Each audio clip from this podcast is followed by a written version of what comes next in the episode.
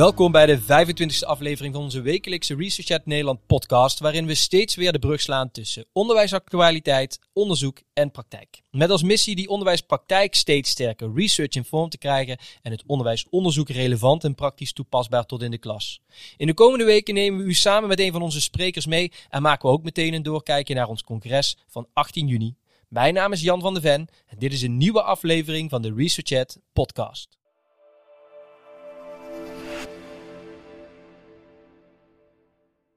Vandaag een gast in onze studio die al een tijdje op mijn wensenlijst stond. Afgestudeerd in de godgeleerdheid en in 1995 gepromoveerd bij Jan Dirk Imelman met als proefschrift Opvoeding en politiek in de overlegdemocratie.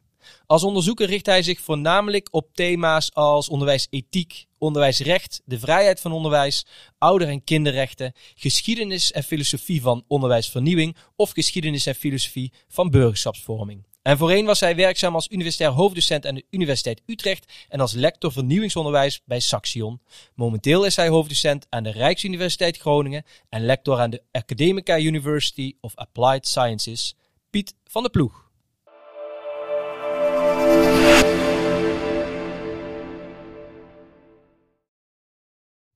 Uh, Piet, welkom hier in de studio. Uh, hoe kan het nou eigenlijk dat iemand met een staat van dienst als die van jou uh, pas voor de eerste keer als spreker op het programma van ResearchEd staat? Ik denk dat het te maken heeft met mijn achtergrond. Dus ik ben uh, theoloog van huis uit eigenlijk. Pas uh, nou, zo'n uh, 14 jaar geleden voor de onderwijsfilosofie gewonnen. Uh, of mij daartoe bekeerd, kun je ook zeggen. En uh, ik denk dat onderwijsfilosofie uh, onder praktici in het onderwijs niet altijd even goede naam heeft. En zeker niet onder onderwijsonderzoekers, dus empirisch onderwijsonderzoekers. Ja. De onderwijsfilosofie heeft zich niet in de conflicten over de status van de, van de empirisch onderzoek niet altijd geliefd gemaakt. Ja. heeft te maken met hele radicale kritiek op empirisch onderzoek. Dus ik neem aan dat dat moet daar iets mee te maken hebben. Want ik heb me wel altijd bemoeid met onderwijs, ook met onderwijspraktijk en met, met onderwijsonderzoek. Maar er zit een soort, uh, ja, toch een soort uh, uh, wel heel duidelijke grens tussen, tussen die twee domeinen van onderwijsonderzoek aan de ene kant en onderwijsfilosofie aan de andere kant. Oké, ehm, interessante um, ja, um, gebied om dat straks wat verder te verkennen. Misschien ook aan de hand van wat jij op 18 juni komt vertellen in, in jouw sessie. in, daarover in het tweede blokje wat meer. Eerst wat actualiteit, wat ook weer niet helemaal los staat van ja, wat je hier nu vertelt over waarom je nog niet niet op ons programma hebt gestaan. Of wat je straks op 18 juli komt vertellen op, um, op uh, ResearchChat. Um, namelijk, ik wil wat met jou wat verkennen over um, ja, recente stukken die zijn geschreven over burgerschap. En de burgerschapsdoelen en de wettelijke verplichting vanaf 1 augustus om burgerschap in het onderwijs uh, in te passen. Uh, en haar plek in ons curriculum. Het eerste wat ik voorbij zag komen in de afgelopen maand is een stuk in Vrij Nederland over uh, reclame in de, in de klas. Uh, waarbij ook wordt geschetst um, dat er steeds meer bedrijven en actiegroepen zijn die proberen zieltjes te winnen in het klaslokaal. is dat iets wat je, wat je herkent als je kijkt naar het curriculum of hoe de curriculumdebat zich, zich ontvouwt? Ja, wat je ziet in de geschiedenis van het onderwijs, zeker in de tweede helft van de 20e eeuw, en de laatste decennia steeds sterker, is dat het onderwijs gezien wordt als een soort, uh, soort instelling waar je alle uh, maatschappelijke problemen op kunt afwentelen. Uh, dus veel pressiegroepen, maatschappelijke groepen, die, hebben, die proberen van het onderwijs zeker zich gebruik te maken of onderwijs te benutten om de maatschappij te verbeteren en dat soort zaken. en dat zien bedrijven en ideologische instellingen, die zien dat natuurlijk goed. Het is een soort voorbeeld geworden. Dus dat bedrijven erop inspringen van je kunt via het onderwijs kun je uh, de leefstijl van mensen veranderen. Bijvoorbeeld, uh, ik vind even de mooiste voorbeeld altijd nog van die uh, bedrijven die proberen de school in te komen. Dat is het, het slagers, het slagersvak. -hmm. Nou, je kunt op internet zo opzoeken. Slager op school.nl. En dan heb je een hele website. dan kun je als leraar kun je zeggen, nou, ik nodig een slager uit. Ik ga met de kinderen naar de slager toe. En dan zorgen die slagers ervoor dat die kinderen een bepaald idee krijgen over vlees eten. Of dat een bepaald idee over vlees eten worden weggenomen. Dat ze voor het slagersvak gewonnen worden enzovoort. Nou, als je die website ziet, dat is zo uh, echt, ja, die slagers die promoten zich dan uh, via het onderwijs. Uh, dat het bedrijfsleven dat doet, dat ligt voor de hand. Volgens mij, omdat iedereen, dus iedereen maakt gebruik van het onderwijs. Ja, dat doet de overheid ook. Hè, dus. Nou klinkt het bij de slager nog, nog enigszins, ehm, ja... Ehm, ja, vrij ehm, nietszeggend of eh, in ieder geval eh, ehm, ja, weinig angst aanjagend, om het Nou, zo maar maar te zeggen. slager op school. Eh, Dus maar dat die man aan onze kinderen vertelt dat je vlees moet eten. ja, En dat hij dat met veel verve doet. En dat hij zijn stukjes vlees laat proeven enzovoort. Ja. Dat is, ja, dan denk je van, dat heeft toch ook liever niet. ja, in, in het stuk in Vrij Nederland wordt ook met name eh, de, de, de shells van deze wereld. Of, ja, maar het is eh, hetzelfde laken en pak. dan. ja. Dus het Shell probeert via het onderwijs eh, haar eh groene, im- of, eh, groen imago eh, te doen alsof ze groen is bijvoorbeeld. Eh, ehm, eh, zijn- en er zijn veel bedrijven die, op, ja, die proberen hun imago te verbeteren via het onderwijs. Denk je Is, het is van hetzelfde laken en pak. Dus je hebt de boodschap, eh, je hebt de handel, je hebt de boodschap. En je gebruikt het onderwijs om je boodschap aan de man te brengen. Ja, En gelukkig moet ik zeggen dat ik steeds meer om me heen, in ieder geval in het primair onderwijs, zie dat leraren, scholen bewustere keuzes maken over wat ze wel of niet eh, die school inhalen. Dat eh, die lespakketten die, waar de mailbox van de schoolleider wekelijks mee, mee volloopt, ehm, dat die ook steeds vaker meteen op de stapel eh, gaan we niet doen eh, terechtkomen. Ja, maar er gaat er ook, komt heel van de school wel binnen. Ja. En dat zijn dan de lespakketten die er net iets aantrekkelijker of eh, acceptabel uitzien. Zoals de vreedzame school. Ja. Of zaken rond de duurzaamheid. Of de, over, de overheid zelf doet. We gaan straks over burgerschap misschien nog hebben. Maar de burgerschapsvorming als, als opdracht aan de school. Dat is in mijn ogen van hetzelfde, van, eigenlijk van hetzelfde soort. Ja, dat was inderdaad mijn vraag. Of dat de, de intrede van dat eh, eh, burgerschapselement in het eh, curriculum. of je dat inderdaad op, op dezelfde hoop schuift als Ja. die, dat stuk in de Vrij Nederland. Want het is wel even misschien een wat grove vergelijking, maar de overheid heeft sinds zeg maar 2000 ongeveer ziet een aantal maatschappelijke problemen, zoals gebrek aan solidariteit, gebrek aan tolerantie en verdraagzaamheid, gebrek aan participatie. En en wat, wat, wat op kabinetsniveau eh, vanaf 2000 eh, eh, bedacht is. Dat is een, een, een algemene burgerschapsagenda die daar maatschappelijk eh, soort campagne tegen is. En ehm, die burgerschapsagenda is vertaald in, eh, in onderwijsbeleid. Dus een algemene burgerschapsagenda, een soort bestuurlijke manier van kijken naar de maatschappij. Die is vertaald in eh, onderwijsbeleid. Dus het, de, de, het onderwijs moest eh, dat burgerschapsideaal eh, voortaan aan de man brengen of aan de kinderen brengen. Dus eigenlijk is die, dat burgerschapsvormingsbeleid, dat is van, in zekere zin van hetzelfde laken en pak als de Shell die zegt ik wil mijzelf verkopen. En is dat nou echt ook iets totaal nieuws, hè, dat burgerschapselement? Eh, Want ik Eh, eh, burgerschap- haal ook even een eh, eh, brief aan van een uh, aardrijkskundedocent VO eh, in Trouw. Waarin hij eigenlijk, eh, ehm, dat is Hero Boonstra is dat. En die beschrijft eigenlijk van ja, ehm, ik- die grote twijfels over de no- noodzaak van zo'n eh, nieuw vak of zo'n nieuw element in het curriculum. Omdat er eigenlijk als je goed aardrijkskunde, geschiedenis, maatschappijleer of al dat soort dingen ehm, hè, die al vrij bekend zijn en al jaren bekend zijn in ons onderwijs. Als je dat goed hebt, eh, ja, wat voegt dan een burgerschapsdoel of een burgerschapselement nog toe? Ja, dat hoeft mij niet te vragen. Want ik, ik bedoel, dat, dat is een voor de hand liggende vraag. eh. Ja. En het antwoord is ook helder. Kijk, burgerschap is een algemeen doel van onderwijs. Eh, net als volwassenheid of, ja, of autonomie of zelfverantwoordelijkheid. En wat er de laatste, dus dankzij die burgerschapsagenda van die kabinetten vanaf Balkenende en, en uh, Rutte heeft het voortgezet. Die hebben burgerschap. Ehm, de, die hebben van een algemeen doel hebben ze een specifieke educatie gemaakt.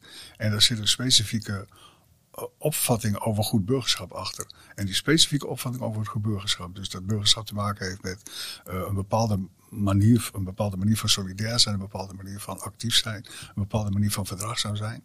Die specifieke opvatting over burgerschap, die wordt via onderwijs, um, die probeert men via onderwijs te verbreiden. Mm.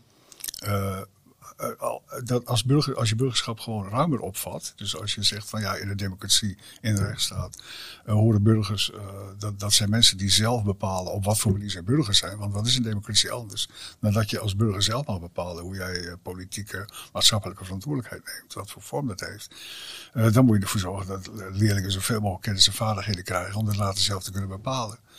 Dus als algemeen doel burgerschap prima, maar als specifiek doel met een specifieke opvatting over burgerschap, ja, dan gaat het pedagogisch gezien mis. Ik denk ook altijd bij dit soort discussies over, um, um, terug aan mijn eigen schooltijd, maar misschien ook hè, toen jij zelf op, het, uh, op de basisschool als kind rondliep. Ehm, hebben we waarschijnlijk geen burgerschapsonderwijs gehad. Of onderwijs dat uh, Ja, we gerelateerd was aan...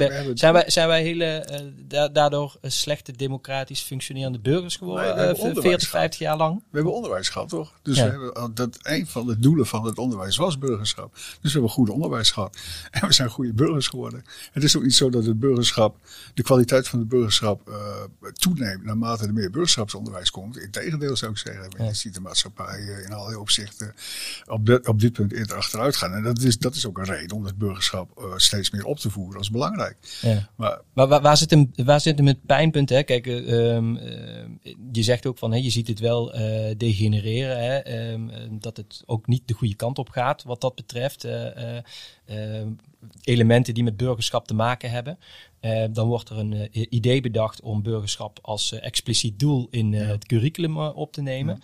Wa- wat zou een betere manier zijn om daar eh, ehm, jezelf tegen te wapenen als, als democratische Het samenleving? enige wat het kijkt, het onderwijs kan de maatschappij niet verbeteren. Dat hoeft gelukkig ook niet. Want dan hadden we het onderwijs, ja, dan vra- vraagt het onderwijs te veel van zichzelf. Dus het enige wat het onderwijs kan doen is ehm, toekomstige burgers zoveel mogelijk bagage geven om de eigen weg daarin te vinden. Ja. En wat er vandaag en de dag gebeurt, niet alleen in Nederland, maar ook elders. Dat is dat er dus vanuit de specifieke opvatting van wat burgerschap is, eh, wordt kind, hè, die, die wordt kinderen eh, voorgehouden. En eh, overheden die hopen dat het op den duur eh, dat het zo aan de dijk zet. Nou, dat, ja, dat betekent dat je aan het social engineeren bent als overheid. Ja. Dus je probeert een, een maatschappelijke werkelijkheid te creëren of te verbeteren of zo via het onderwijs. En, en als je dat hè, vanuit jouw eh, onderwijs-filosofische Ja. achtergrond ook zou, zou aanvliegen, ehm, eh, kan ik me voorstellen dat je zegt van oké, de beweging die we nu maken met het in de wet vastleggen eh, en alles wat er misschien nog bij komt Ja. kijken. Hè, ik ben zelf eh, vrij sceptisch over eh, ehm, ehm, ja, de grote kans dat we over een jaar of vijf op een eh, ba- eh, reguliere basisschool ergens het vak burgerschap terug zien komen op, eh, op het rooster. eh, naast het vak digitale vaardigheden overigens. En eh, hè, wellicht ook nog uitkomen op de CITO-toets eh, M4 eh, burgerschap straks, bij wijze van spreken. Of hele mooie gelikte methodes van eh Team en Meulenhof of welke van de andere drie grote spelers. Ehm, MBO heb je ze al, hè? Dus, ja, eh, eh, eh, dat is wel iets hè, wa- waar we met begrijpend lezen natuurlijk ook al jarenlang onszelf mee in de voet schieten. Eh, Zo'n ontwikkeling. Ehm, hoe, hoe zie jij ehm, vanuit dat onderwijsfilosofisch perspectief ehm, het beter geregeld zijn?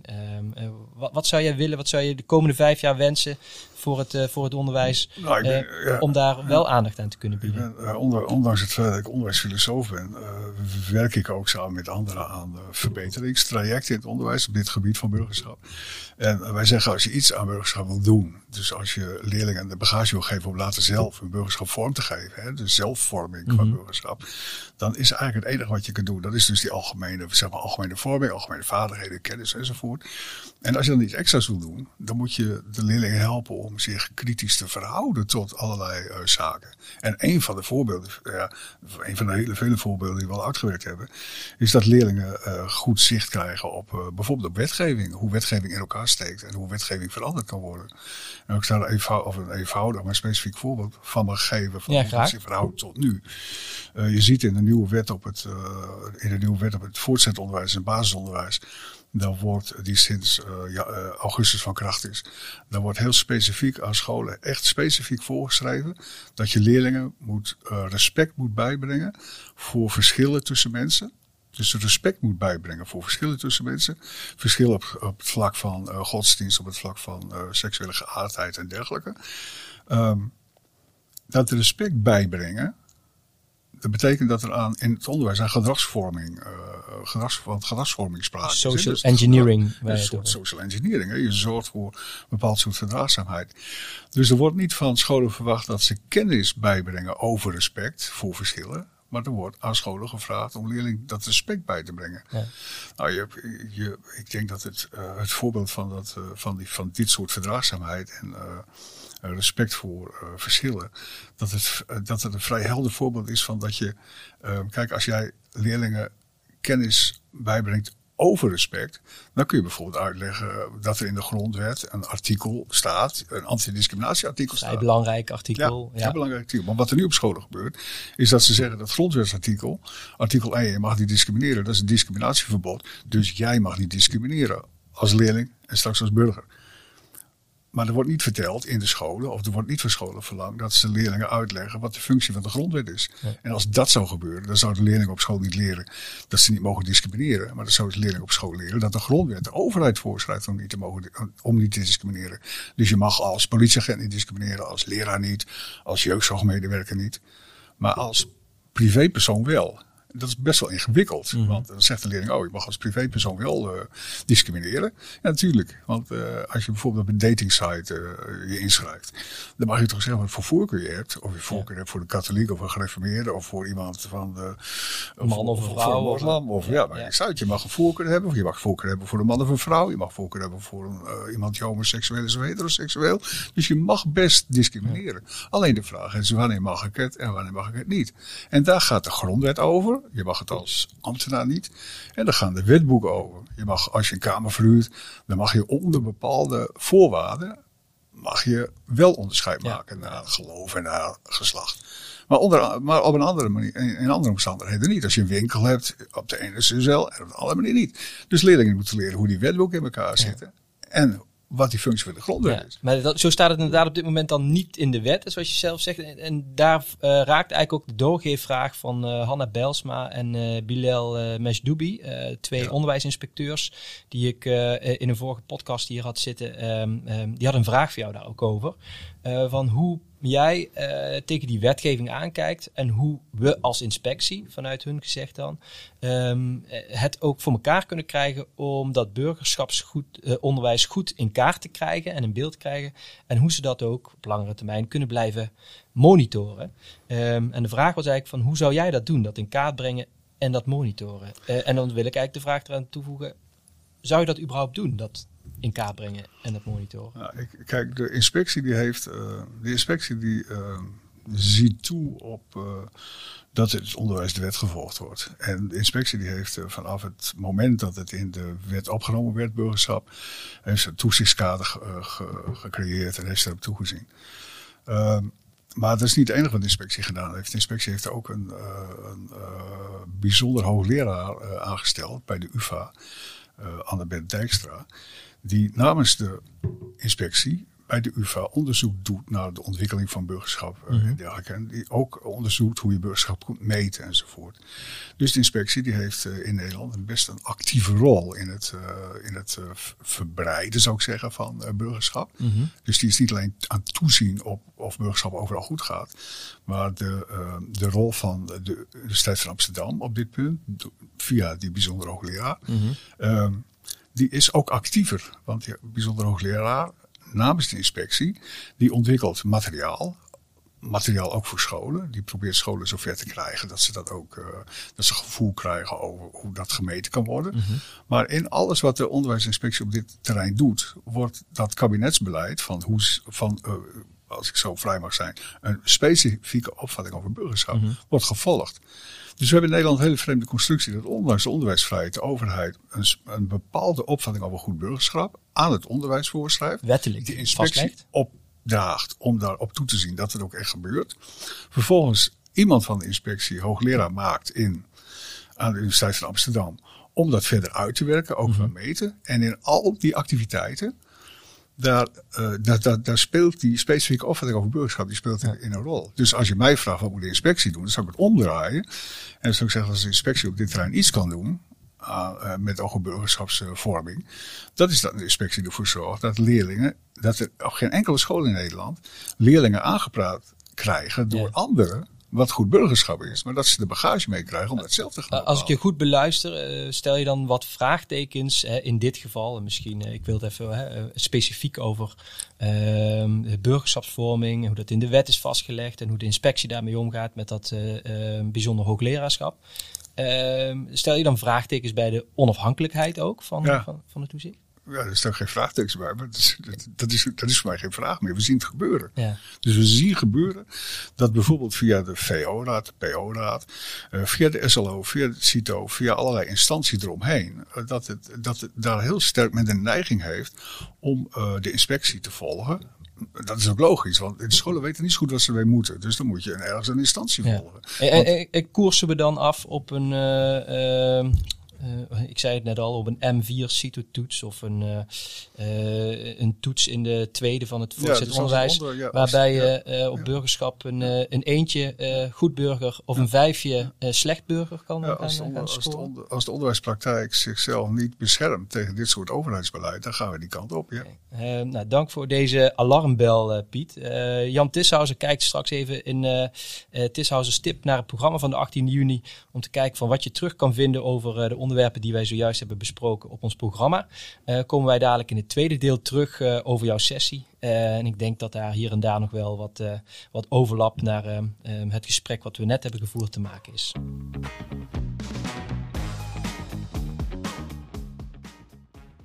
Hallo en welkom bij Tishouse's Tip. Piet laat zich kritisch uit over burgerschap. We weten inmiddels dat de onderwijsinspectie plannen voor nieuwe scholen ook beoordeelt aan de hand van het curriculum voor burgerschap. Burgerschap wordt door de minister inmiddels gezien als een basisvaardigheid. En uiteraard besteden op het ook aandacht aan dit onderwerp. Alderik Visser vertelt hoe je burgerschap in je curriculum kunt inbouwen. En Maxine Herings en Mila Bammans geven een sessie over het bespreken van terrorisme en politiek geweld in de klas. Als dit thema je interesse heeft, dan wil je deze sessie zeker niet missen. Ik zie je graag op 18 juni in Nijkerk. Tot dan!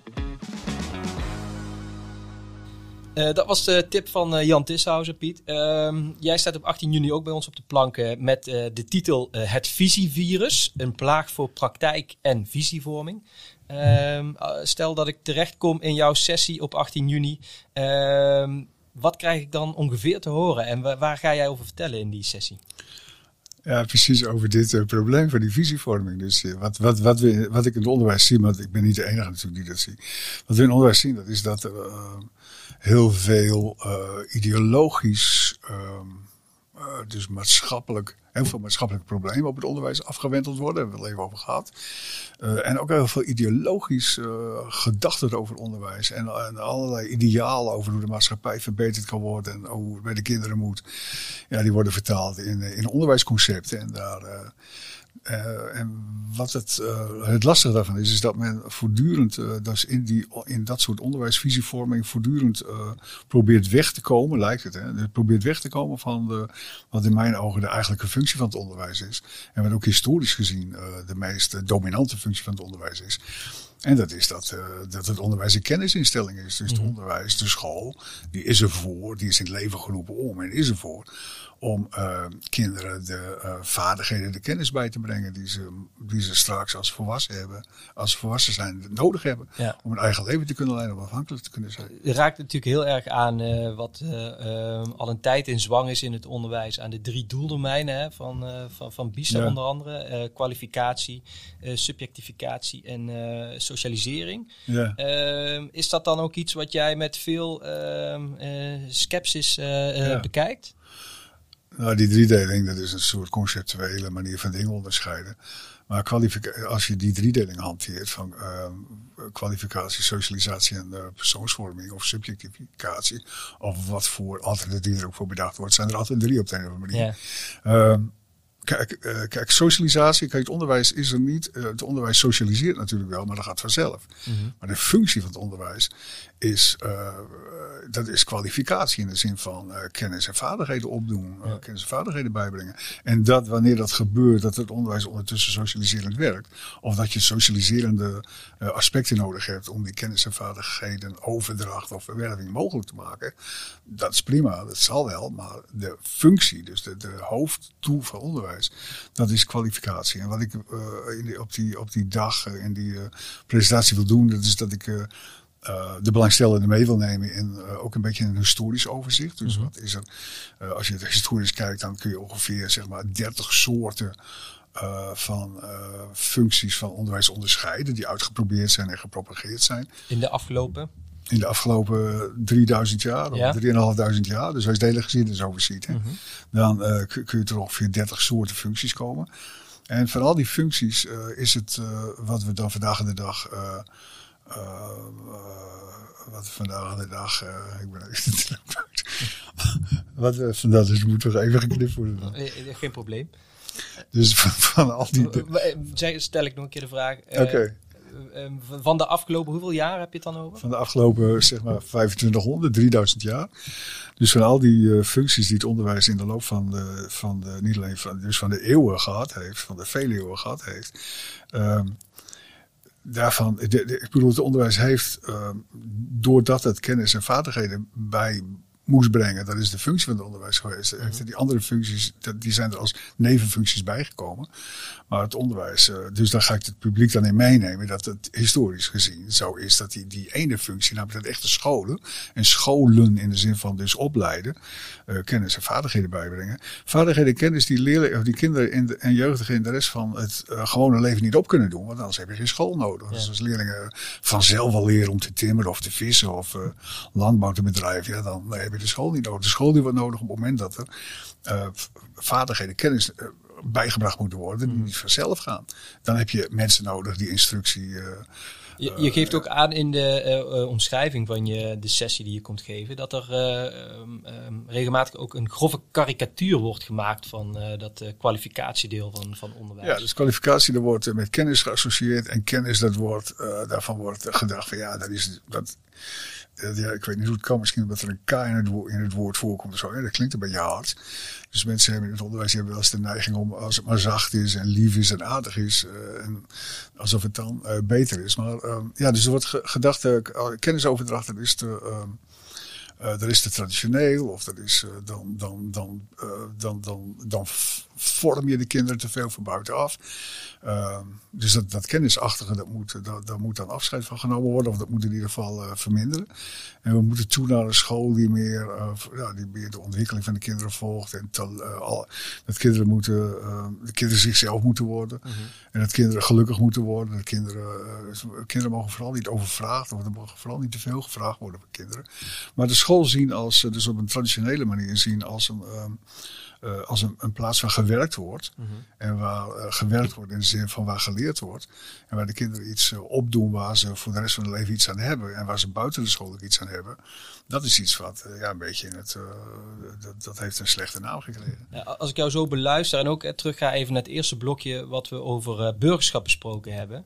Ehm, is het dan zo dat je wat dat betreft ook zorg maakt over eh, dat school in plaats van over onderwijs ook steeds meer eh, de opvoedfunctie eh, eh, op zich aan het nemen is? Of misschien wel over de schutting ja. geworpen krijgt? Of Ja, is misschien ik- van ja. beide wat? Of? Ik zou, ik zou het anders willen ehm, eh, formuleren. Kijk, de school die is. en ik denk dat in de loop van de 20e eeuw gebeurd is. Dus in de tweede helft van de 20e eeuw. is er, ehm, heeft de school steeds meer. Eh, taken gekregen, steeds meer functies gekregen. Dus de school is een soort multita eh, moet, is gaan moeten multitasken. Want eh, dus, dus niet alleen meer kennis en vaardigheden bijbrengen, maar van alles. Dus we hebben het al gehad over de maatschappelijke problemen die opge... Er moest iets, als, het met, met, als we maatschappelijk gezien last hebben van, van conflicten, dan hebben, we, dan hebben we vredesonderwijs nodig. Als het maatschappelijk niet goed gaat met de economie, dan heb je budgetonderwijs nodig. Als we zeggen, Ja, de radicalisering, ja, armoede, met- ja, obesitas, eh, eh, nou, weerbaarheid, seksueel eh, misbruik, incest. Dat, daar hadden we seksueel geweldspreventie op school.